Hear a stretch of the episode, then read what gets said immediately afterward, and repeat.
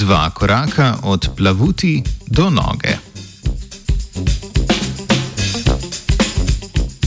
Raziskovalna skupina je v reviji Cell pokazala vpliv dveh mutacij v genomu rib cebric, ki povzročita razvoj okončinam podobnih struktur iz ribjih plavuti.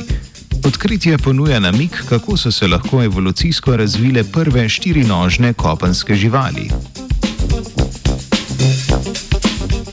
Raziskovanje pretekle evolucije je pogosto omejeno na zbiranje in analiziranje fosilnih ostankov ter njihovo urejanje v časovno zaporedje, ki nam prikaže zgodovinski razvoj novih lastnosti.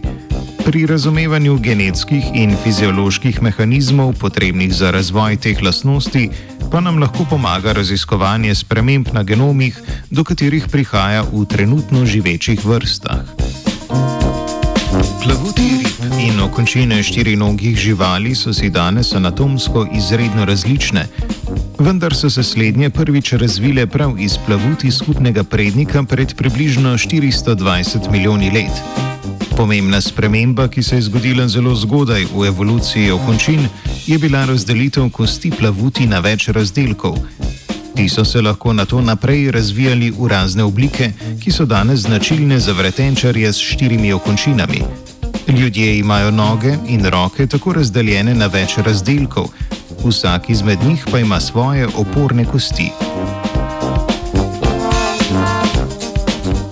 Raziskovalci in raziskovalke so z analizo genomov rib cebric odkrili, da sta za razdelitev plavuti zadostni že mutaciji v samo dveh genih, VAV2 in VASLB.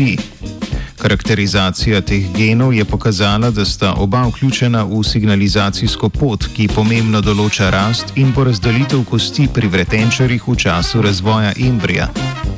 Mutaciji skupaj povzročita, da se določene kosti v plavutih cebric skupaj s pripadajočimi mišicami razdelijo v ločene razdelke.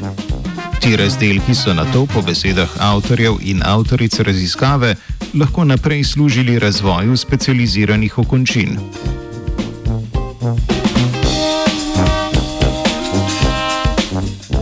Čeprav raziskava ne odraža nujno točnega poteka evolucije, pa ponuja možen mehanizem, kako so se lahko ribe plavuti postopoma razvile za prehod na kopno. Razlaga je še posebej atraktivna, saj je za razvoj razdelkov potrebnih izredno malo mutacij, zaradi česar je tak scenarij bolj verjeten. Za zaključek še omenimo, da sta v isti izdaji revije Cell objavljeni dve drugi raziskavi, ki sta predlagali mutacije potrebne za razvoj organov podobnim kopenskim pljučem.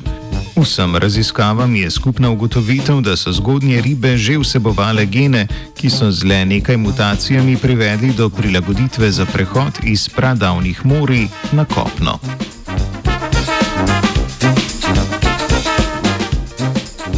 Z ribami je tacal Arne.